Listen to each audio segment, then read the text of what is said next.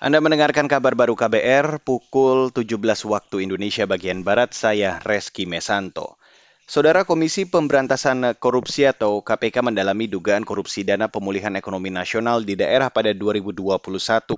Juru bicara KPK Ali Fikri mengatakan penyelidikan itu untuk mengetahui aliran uang dalam proses pengajuan pinjaman pemulihan ekonomi di daerah. Dalam kasus ini, penyidik KPK sudah memeriksa bekas Direktur Jenderal Keuangan Daerah di Kementerian Dalam Negeri Ardian Nurvianto.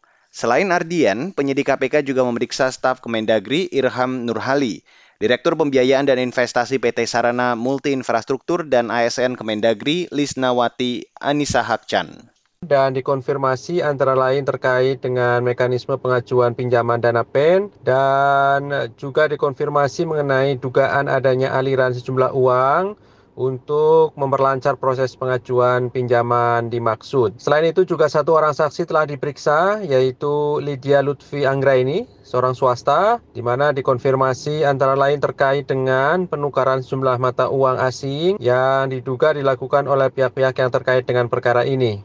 Saudara itu tadi juru bicara KPK Ali Fikri. Perkara ini merupakan pengembangan penyidikan dari operasi tangkap tangan atau OTT terkait perkara dugaan korupsi pengadaan barang dan jasa di lingkungan pemerintah Kabupaten Kolaka Timur, Sulawesi Tenggara tahun 2021.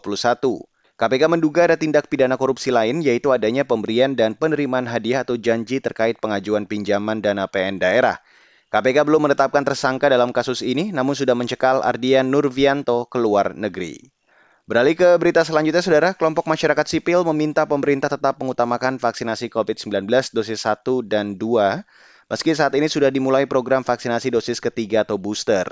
Relawan lapor COVID-19 Amandatan mengatakan, saat ini masih banyak daerah yang cakupan vaksinasi dosis keduanya masih rendah dan tidak merata dibanding daerah lain yang sudah tinggi.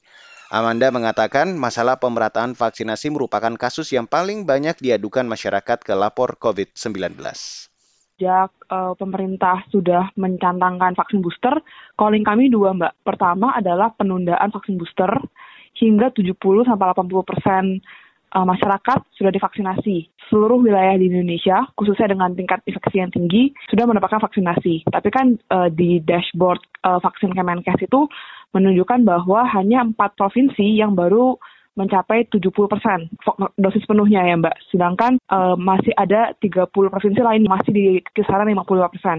Saudara relawan lapor COVID-19 Amandatan menambahkan cakupan vaksinasi untuk kelompok rentan juga belum memuaskan. Saat ini vaksinasi lansia cakupannya masih sekitar 44 persen, sedangkan kelompok masyarakat rentan lainnya juga masih rendah di bawah 50 persen. Padahal kelompok rentan termasuk lansia seharusnya diprioritaskan untuk mendapatkan vaksinasi COVID-19. Saudara, pemerintah Kota Semarang mengklaim telah menyiapkan puluhan fasilitas kesehatan untuk kegiatan vaksinasi COVID-19 dosis ketiga atau vaksin booster. Kepala Dinas Kesehatan Kota Semarang, Abdul Hakam, mengatakan Puluhan vaskes itu mampu menyuntikan vaksin sebanyak 1.000 hingga 3.000 dosis per hari. Sisa kita kalau tidak salah itu masih ada sisa kurang lebih 30 ribu itu nanti kita pakai dulu. Hmm. Karena kan dosis yang dipakai kan separuh mbak. Hmm.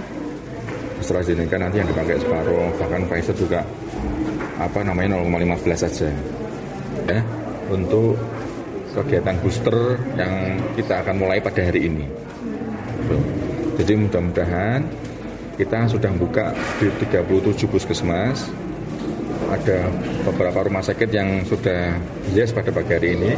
Logerjo, Panti Wilasa, RSWN, kemudian Poltekkes juga sudah mulai. Kepala Dinas Kesehatan Kota Semarang, Abdul Hakam, mengatakan, pemerintah daerahnya menargetkan bisa memvaksin 250 ribu warga yang layak menerima vaksin booster.